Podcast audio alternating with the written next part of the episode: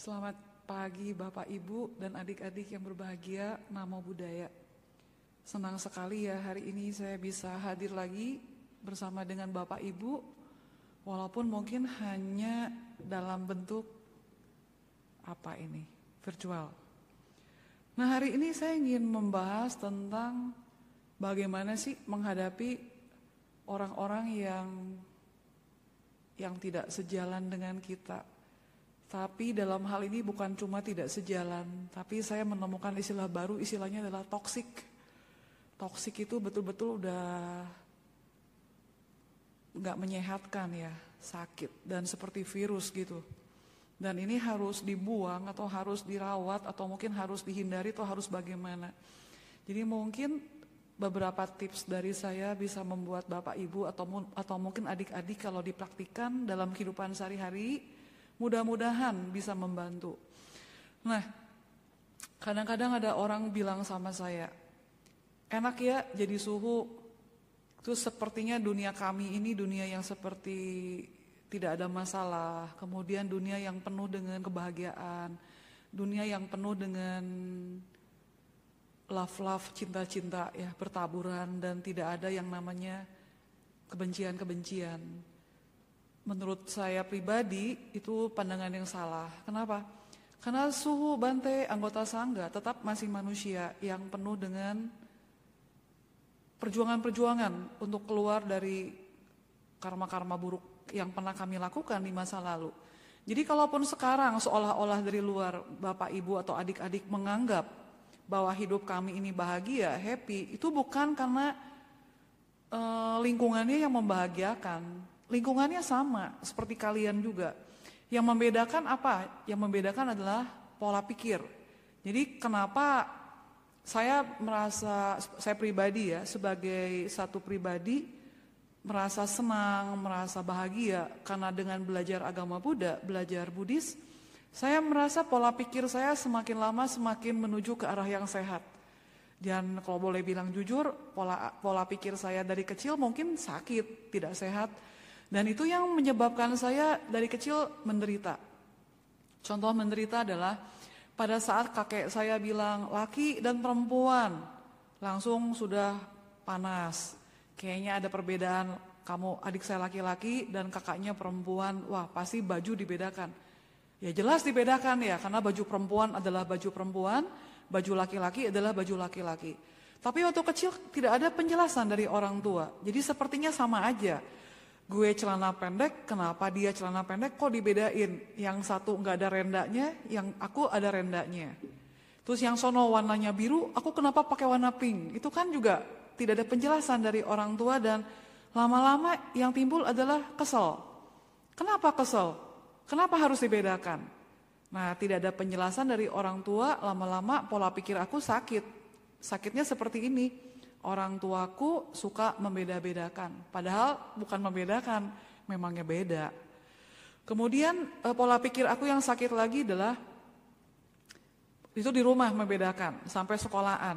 Sampai sekolah di kelas kalau anak pinter, kesannya nih, kalau anak pinter nanya ibu guru, bapak gurunya langsung semangat menjawab. Tapi kalau kita yang recok, yang bawel, yang bikin ulah, pada saat nanya kayaknya sedikit nggak dilihat. Nah itu mulai muncul rasa marah, mindset mulai muncul. Wah bapak ini nggak baik, ibu ini baik. Kriteria baik dan tidak baik dapat dari mana? Tidak baik karena dia suka cuek kalau saya bicara. Dia baik karena kalau saya ngomong dia senyum, ngasih senyum atau menyapa saya balik. Itu ibu, ibu bapak guru di sekolah.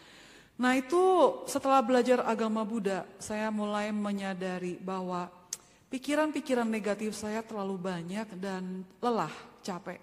Dan saya begitu membaca buku tentang kehidupan, tentang ciri-ciri kehidupan dalam agama Buddha, menurut agama Buddha ya. Kemudian bagaimana manusia harus melampaui kelahiran dan kematian.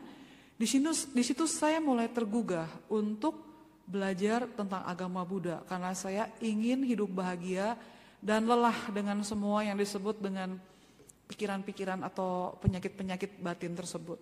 Nah, pelan-pelan yang namanya negatif berubah. Oh, bukan membedakan, memang saya berbeda. Oh, bukannya ibu guru pilih kasih, tapi kebetulan uh, anak yang baik itu mungkin nanyanya lebih kencang suaranya dibandingkan saya yang cuma teriak-teriak terus tidak pakai etika. Jadi begitu mindset berubah, saya merasa hidup itu seperti lebih terang, kemudian lebih cerah. Yang tadinya dalam dunia yang gelap, pelan-pelan bergeser, bergeser, bergeser, lama-lama semakin terang, semakin terang, semakin terang. Jadi kalau misalkan dibilang setelah jadi biku, setelah jadi suhu, setelah jadi bante, muka-mukanya pada berubah lebih cerah. Menurut saya ya harusnya seperti itu. Karena orang yang tadinya tidak punya jalan, tidak punya tujuan hidup, tidak punya bimbingan, terus bingung arahnya mau ke mana. Mau jadi Buddha apa mau jadi arahat. mau jadi biku apa mau nikah. Itu kan kebingungan-kebingungan. Tapi setelah memutuskan lama-lama terarah. Setelah terarah kemudian menjadi jelas, dan tahu apa yang harus dilakukan, itu yang membuat muka-muka orang yang sudah punya tujuan hidup, orang-orang yang sudah belajar dharma, kemudian mempraktekkan dharma, akan lebih bahagia, seperti itu. Nah walaupun hidup sebagai seorang anggota sangga, sudah lebih daripada setahun, lebih daripada dua tahun, tetap aja saya pribadi mengalami berkumpul dengan orang-orang yang dibenci. Nah istilah dibenci ini memang tidak separah kalau kita mendengar teman-teman yang toksik. Kalau dibenci itu kayaknya masih bisa dimaafkan, masih bisa di ya digeser-geser sedikit lah, ditaruh di samping, entah itu mungkin di pojok-pojok atau mungkin kita buang muka sedikit karena dibenci. Tapi kalau sudah menggunakan kata toksik, teman yang toksik, berarti teman-teman yang betul-betul membawa kita itu dari sehat menjadi sakit, dari hidup menjadi mau mati. Dari yang tadinya bahagia menjadi wah udah nggak punya harapan lagi. Nah teman-teman yang toksik ini kalau kita pelajari lebih dalam ternyata mereka pun bermasalah makanya mereka akhirnya menjadi racun bagi dirinya sendiri dan kemudian menjadi racun bagi lingkungannya. Nah kalau kita, kalau saya pribadi ketemu teman toksik, saya masih bersyukur. Kenapa masih bersyukur? Karena cuma teman. Bagaimana kalau bapak ibu atau adik-adik bertemu dengan orang toksik ini dalam artian keluarga? Nah kan, mati gaya. Papa kita toksik atau mama kita yang toksik atau mungkin tunangan kita yang toksik atau mungkin anak kita yang toksik mau dibuang kan nggak bisa karena ada hubungan darah. Kemudian melanggar HAM, hak asasi manusia. Kalau teman kita bisa jauhkan. Kemudian kita dia ke kanan, kita ke kiri, dia ke atas, kita ke bawah. Itu teman. Tapi kalau saudara kita yang toksik, orang-orang yang sedarah dengan kita toksik, kita udah mati gaya. Kita harus ngapain? Nah, di sini kita belajar menurut pandangan dari agama Buddha. Yang pertama adalah kita harus menggunakan ekstra cinta kasih, compassion, ulas asih. Jadi kalau biasa kita hanya mencintai orang lain, mengasihi orang lain, untuk orang-orang yang super toksik ini, kita harus ekstra mengasihi ekstra memahami, ekstra mengerti, ekstra menerima. Kenapa mereka bisa toksik? Karena pasti ada sebabnya di masa lalu yang membuat mereka jadi beracun. Saya pernah dapat satu cerita, eh, kenapa ada makhluk hidup yang bisa beracun. Contohnya ular beracun, kemudian kelabang bisa beracun, kemudian ada ya serangga-serangga kecil yang beracun. Jadi badannya mengeluarkan racun. Kenapa bisa begitu?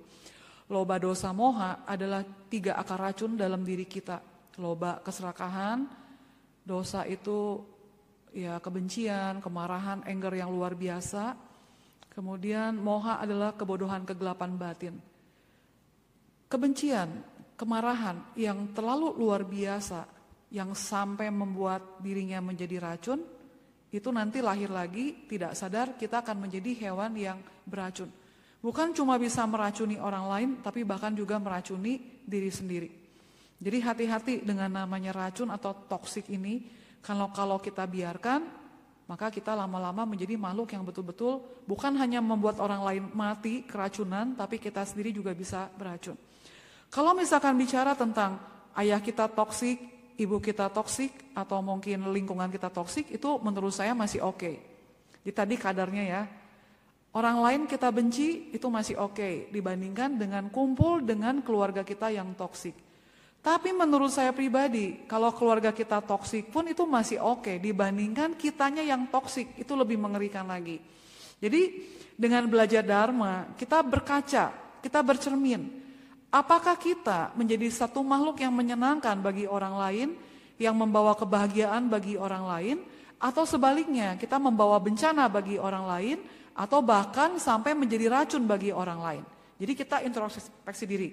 Kalau kita tidak menjadi toksik bagi orang lain, nah kita lihat kanan kiri kita. Mudah-mudahan dengan kita punya mindset bagus, lingkungan kita berubah menjadi bagus, maka ke mana pun kita pergi semuanya adalah uh, madu, bukannya toksik lagi. Tapi kalau kitanya toksik, kita berubah. Mudah-mudahan yang tadinya toksik, lingkungan kita toksik, pelan-pelan berubah menjadi hal yang positif, jadinya manis. Nah sekarang kalau misalkan kita punya lingkungan yang toksik, maka yang harus kita pertama lakukan adalah kita berikan cinta kasih yang benar-benar ekstra. Nah setahu saya di wihara sini ada meditasi.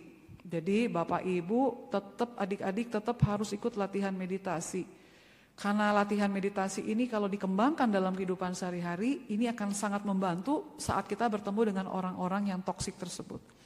Jadi cinta kasih ini yang pertama dikembangkan bukan sekedar cinta kasih, tapi betul-betul kita jangan menyebarkan atau jangan menumbuhkan rasa benci atau rasa marah pada orang toksik tersebut. Yang harus kita kembangkan yang kedua adalah cinta kasih. Jadi sebelum kita menyebarkan, memberikan cinta kasih pada orang toksik ini, yang pertama kita harus lakukan adalah stop, jangan berikan kebencian. Jadi ini dibutuhkan apa? Mindfulness, dibutuhkan kesadaran. Jadi begitu tahu nih orang ngomongnya toksik atau mungkin hidup baru lihat mukanya, hidungnya aja langsung kita merasa ini orang toksik, kita langsung aware, mindful. Stop kebencian kita, putuskan langsung. Kita bilang sama pikiran kita, kita bilang sama diri kita, stop. Netral. Kalau sampai kita nggak bisa netral, pergi. Tinggalkan ruangan tersebut atau tinggalkan tempat tersebut di mana ada orang toksik tersebut. Bukan berarti menghindar, tapi kita bukan menghindar kabur ya. Tapi kita memberikan ruang, memberikan space, memberikan me time pada diri sendiri untuk heal dulu, untuk menyembuhkan dulu. Mundur dulu ke belakang. Kita lihat orang nyebrang. Kalau di daerah Mangga Besar situ ya ada bajai, ada motor, sepeda, angkot juga, kopaja juga. Untuk nyebrang itu Kadang-kadang harus mundur baru bisa maju. Kalau maju terus ketabrak, kita bisa patah tulang, patah tangan, kaki, atau bahkan mungkin meninggal. Demikian pula dengan orang-orang toksik ini. Kita bilang stop, jangan berikan kebencian, stop kebencian, stop. Kalau kita nggak sanggup, pikiran terus masih ngomong sebel, sebel, benci, benci, marah, marah, kesel, kesel, pukul atau segala macam yang memang bakal merugikan, mundur, mundur, Nah mundur ini bisa kita mundur menjauh atau bisa mundur pindah ruangan atau bisa mundur pulang ke rumah. Atau mungkin kita bisa ya pergi dululah beberapa hari. Kemudian di rumah kita introspeksi diri. Kalau di pergi ke ruangan sebelah kita introspeksi diri. Yang kedua tadi eh, yang per, yang kesatu kan tadi stop, yang kedua berikan cinta kasih. Jadi yang pertama tadi begitu stop langsung cinta kasihnya muncul. Ini perlu latihan, perlu exercise. Karena kalau kita nggak latih dalam kehidupan sehari-hari, sulit banget menumbuhkan cinta kasih di saat menghentikan kebencian, langsung sinyal cinta kasihnya muncul. Itu nggak gampang. Nah kalau sampai ke satu stop kebencian nggak sanggup, lari dulu ke samping. Nah kalau sampai kebencian kita nggak muncul, lari dulu ke samping. Nah ke satu stop kebencian, yang kedua pakai ekstra cinta kasih, yang ketiga adalah kita bertanya kepada diri sendiri, kenapa sih ini orang harus saya benci? Kenapa sih ini orang harus jadi toksik? Apa yang bikin saya nggak suka sama orang ini? Apa yang bikin orang-orang sekitar nggak suka dengan orang toksik ini? Terus kita kayak semacam kontemple, eh, merenung, merenung, merenung, kemudian menyelidiki, kemudian mencari tahu penyebabnya. Nah, kalau sudah tahu penyebabnya, yang keempat, kita mulai belajar untuk memaklumi. Kenapa orang ini bisa toksik? Oh, ternyata ada ceritanya. Masa kecilnya dia, dia banyak traumanya, banyak luka batinnya. Dari situ kita pakai rumus, balikin. Kalau saya jadi dia, apa yang akan saya lakukan? Kemudian Setelah kita mundur tadi kita menyimak, kemudian kita memperhatikan, kita melihat, kita tahu harus bagaimana, kita belajar untuk mendekati dia. Jadi bukan sekedar maju, mundur, maju, mundur, tapi kita kalau bisa maju lagi kepada pemberian solusi. Dekati pelan-pelan. Selidiki, kita dekati. Karena biasanya orang-orang toksik ini perlu perhatian mungkin, perlu pengertian juga, perlu waktu, perlu dirangkul, kemudian perlu didengarkan seperti itu. Dan mungkin saat proses-proses mendengarkan, merangkul, mencintai, atau proses-proses untuk healingnya dia, kita perasaan kita juga naik turun, kadang senang, kadang benci, kadang senang, kadang benci. Nah ini banyak terbukti di, lingkungan orang-orang yang sedang pacaran ya. Kenapa kamu pacaran sama dia? Um, kasihan suhu, awal-awal kasihan pengen ngerubah dia lama-lama kejebak terus akhirnya jadi mati gaya. akhirnya udah deh, frustasi kemudian udahan. Nah ini bicara tentang masa covid begini. Sekitar satu dua bulan lalu itu ada film Korea kalau nggak salah ya, lupa judulnya. The World of Marriage kalau nggak salah. Itu di dunia psikologi juga dibahas. Akhirnya ikutan nonton tuh saya ya. Itu saya promosi juga ke orang-orang wihara buat nonton. Nah ini orang-orang ya sejenis toksik lah ya. Kenapa bisa toksik? Pacaran karena kasihan dengan harapan kita belajar untuk mengubah dia karena kita merasa lebih. Sadar atau tidak sadar pada saat kita ingin mengubah orang lain berarti kita merasa lebih. Kalau ada muncul ego tadi ya merasa lebih kemungkinan suatu hari akan sedih karena akan kecewa. Kalau enggak apa yang kita inginkan, kita mau tidak tercapai. Jadi begitu muncul ego ingin menolong dia, ingin menyelamatkan dia, ingin membantu dia, ingin menyadarkan dia, ingin mengubah dia. Kalau saya bilang itu halusinasi kita sendiri. Berhentilah Bapak Ibu adik-adik berpikir seperti itu. Jadi kalau mencintai seseorang jangan karena kasihan. Kalau karena kasihan putus, udahan. Lebih baik jadi teman. Tapi orang-orang toksik ini kalau emang nggak dibantu juga kasihan. Jadi jangan nolong orang karena kasihan, tapi karena kita memang punya belas asih. Kalau kasihan artinya saya lebih, dia kurang. Jadi ada niat untuk membantu. Suatu hari akan kecewa. Kenapa? Karena orang-orang toksik ini kadang-kadang ya toksiknya kumat-kumatan. Sehatnya sedikit. Nah ini perlu ekstra kerja keras. Kalau memang kita nggak sanggup dari awal udah stop. Jangan karena kasihan, karena nolong. Kalau kita ingin nolong orang, jangan karena kasihan. Tapi kita harus tanya sama diri sendiri, mampu nggak saya nolong dia? Apakah cinta kasih saya sebesar itu? Kalaupun sampai sebesar itu, nggak harus jadi pacar, nggak harus jadi pasangan, jadi hati-hati. Nah sekarang permasalahan adalah kalau kitanya yang toksik. Terus apa yang harus kita lakukan? Yang harus kita lakukan tiap malam adalah introspeksi diri. Hari ini saya sudah melakukan apa aja, terus yang baik, Terus apa aja yang buruk dicatat. Kemudian pada saat melakukan satu kebaikan, lihat reaksi muka orang-orang. Misalkan saya bikin lelucon, saya ngomong nyeletuk. Terus saya lihat muka orang-orang dengan kesadaran penuh. Apakah ada orang-orang yang tertawa dengan lelucon saya? Ternyata ada yang tertawa. Kemudian saya coba gerakan hati saya. Ini perlu latihan ya. Tanya kepada diri sendiri, Apakah ketawanya tulus? Apakah ketawanya dibuat-buat? Karena mungkin banyak orang yang pakai topeng. Sebetulnya nggak lucu, karena kan saya toksik. Tapi mereka takut bicara jujur, akhirnya mereka pura-pura tertawa. Nah ini kita perlu membuang topeng-topeng kita supaya kita pun bisa berubah. Mindset kita menjadi positif, kita yang tadinya toksik menjadi positif. Nah kalau kita bisa introspeksi diri, tiap hari kita mencatat mana yang baik, mana yang buruk, mana yang baik, mana yang buruk, terus yang buruk dibuang-buangin, ini jangan dilakukan, jangan dilakukan, ini ditambah, ditambah, ditambah tiap hari seperti itu. Mudah-mudahan proses kita untuk menjadi manusia sehat mental lebih apa ya, lebih cepat berhasil. Jadi jangan sampai seumur hidup kita menjadi manusia yang toksik, karena itu akan menghabiskan waktu dan kemungkinan kalau anda masih sekolah kita nggak punya teman dibully orang. Atau kalau kita sudah punya pasangan, karena kitanya toksik, akhirnya pasangan kita pun memilih untuk bercerai. Sekarang kalau kita jadi anak yang toksik, jangan sampai orang tua kita akhirnya musuhin kita, kemudian membuang kita. Tidak mau lagi mengakui kita sebagai anak kandungnya, merasa nggak kenal. Jadi hati-hati. Nah, introspeksi diri ini harus dilakukan oleh setiap orang, baik yang toksik maupun yang sehat, yang merasa sehat lah ya. Kenapa? Karena kita tidak pernah tahu kapan luka batin kita muncul. Karena kita nggak pernah tahu juga kapan trauma-trauma masa kecil ini muncul. Karena kita juga nggak pernah tahu kapan karma buruk-karma buruk kita itu muncul. Atau mungkin kita nggak pernah tahu kapan marah-marah itu datang menggoda kita. Jadi setiap saat kita wajib membuat diri kita eling, waspada. Supaya apa? Supaya kita bisa membuat manfaat bagi orang lain, kita bisa menyenangkan orang lain, kita bisa membawa kebahagiaan bagi orang lain, kita menjadi sumber air bagi mereka yang kehausan, kita menjadi sumber kebahagiaan bagi mereka yang menderita, kita menjadi kaki bagi mereka yang mau berjalan, kita menjadi mata bagi mereka yang mau melihat.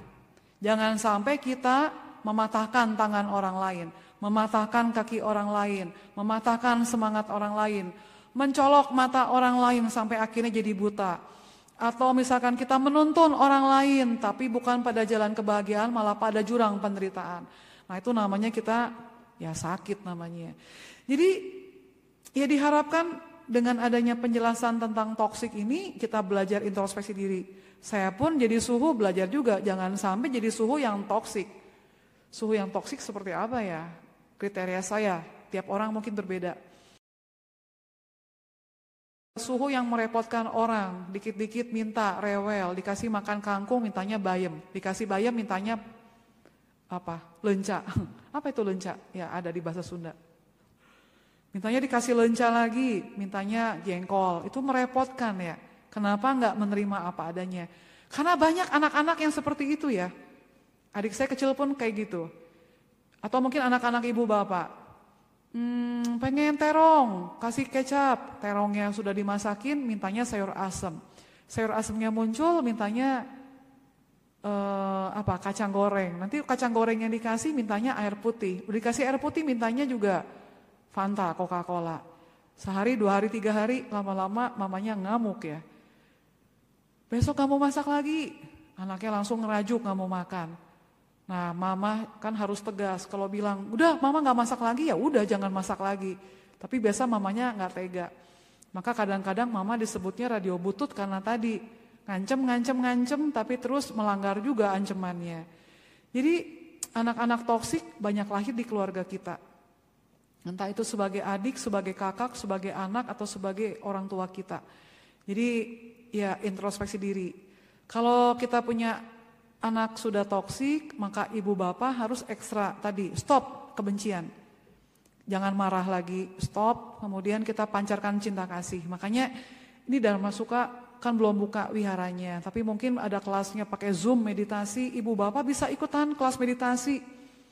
Latihan bisa 5 menit, 5 menit, bisa 10 menit, 10 menit, 15 menit, 15 menit. Kenapa? Pada saat menghadapi orang-orang toksik ini, kita seperti punya alarm. Yang tadinya alarmnya kecil, nggak jalan, nggak kedengeran.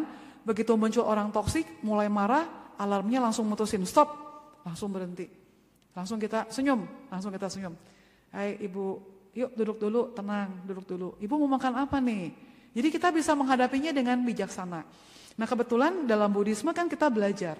Bukan hanya melatih cinta kasih dalam agama Buddha, tapi kita juga harus melatih wisdom, compassion, cinta kasih, eh kebijaksanaan. Jadi untuk menghadapi orang-orang toksik ini bukan hanya dibutuhkan cinta kasih, tapi juga harus dibarengi dengan kebijaksanaan.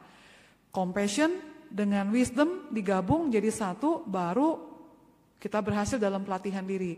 Jadi kalau besok-besok atau nanti ketemu orang-orang toksik, kita mesti mengucapkan syukur, terima kasih, karena orang-orang toksik ini membantu kita menyempurnakan kesabaran, kesempurnaan dalam kesabaran. Atau istilah kerennya Santi Paramita. Jadi ketemu orang-orang yang toksik kita bilang, terima kasih kamu sudah hadir dalam hidup saya. Tapi saya berharap kamu bisa berubah menjadi orang yang tidak toksik lagi, seperti itu. Mungkin itu aja yang bisa saya sampaikan hari ini. Mudah-mudahan toksik berubah menjadi sehat mental. Kemudian kalau lingkungan kita toksik, kembali lagi kita pakai rumus stop. Buang kebencian kita, stop. Kemudian pancarkan cinta kasih. Kemudian kita ketiga adalah e, bertanya, apa yang membuat kita nggak suka sama dia? Yang keempat, cari tahu latar belakangnya. Kemudian yang kelima, kita belajar untuk menolong dia supaya dia keluar dari lingkungan atau pribadi toksiknya tersebut atau mindset yang toksik tersebut. Kemudian kalau kitanya toksik, yang lima tadi mungkin nggak gitu berlaku, tapi kita pakai rumus introspeksi diri. Kalau perlu dicatat, kalau perlu minta bantuan teman atau saudara atau mungkin lingkungan, bantu mencatatkan, hei kamu lagi toksik keluar, hei kamu lagi toksik. Mungkin dengan cara dipukul, bukan pukul kepala ya, tapi di tangan, eh toksik kamu lagi kumat, eh kamu harus sadar. Jadi dielingkan, bukan sekedar mindful, tapi betul-betul sadar, eling, kemudian bisa berubah. Sekian apa yang bisa saya sampaikan hari ini, semoga bermanfaat. Saya berharap virus bukan virus sebetulnya ya, PSBB-nya bisa segera berakhir. Virus, saya nggak tahu kapan bisa berakhir, tapi paling tidak kita tetap bisa menjaga kesehatan, bisa kumpul lagi di wihara. Karena bagaimanapun kebaktian bersama itu jauh lebih powerful, lebih efeknya lebih kuat daripada kebaktian sendirian di rumah. Kenapa? Kalau lihat Zoom-Zoom itu ya, kalau saya aktif di Zoom-Zoom itu, ada yang sambil tiduran, ada yang nggak pakai baju, ada yang di belakangnya anduk, gantung, ada yang sambil ngupil, waduh luar biasa, hilang mindfulnya. Tapi kalau kebaktiannya di wihara, mau ngupil, nengok kanan kiri, malu, jadi nggak jadi. Pakai baju juga sopan. Kemudian kita ketemu altar langsung namaskara. Coba di rumah, bukan rupang yang dinamaskarain, tapi anduk-anduk digantungin. Ya, mindfulnya berkurang sepertinya. Di balik itu pasti ada yang positif lah. Anak lebih dekat dengan orang tua, orang tua lebih mengerti karakter anak, anak lebih mengerti kemauan orang tua. Plus minus semuanya. Tapi saya berharap ya dibuka lagi, sehat lagi seperti biasa supaya kita kumpul lagi karena dengan kumpul bersama sharing akan lebih apa ya banyak masukannya lah dibandingkan hanya di rumah aja. Oke sekian begitu aja. Selamat pagi. Terima kasih telah mendengarkan saya, nama budaya.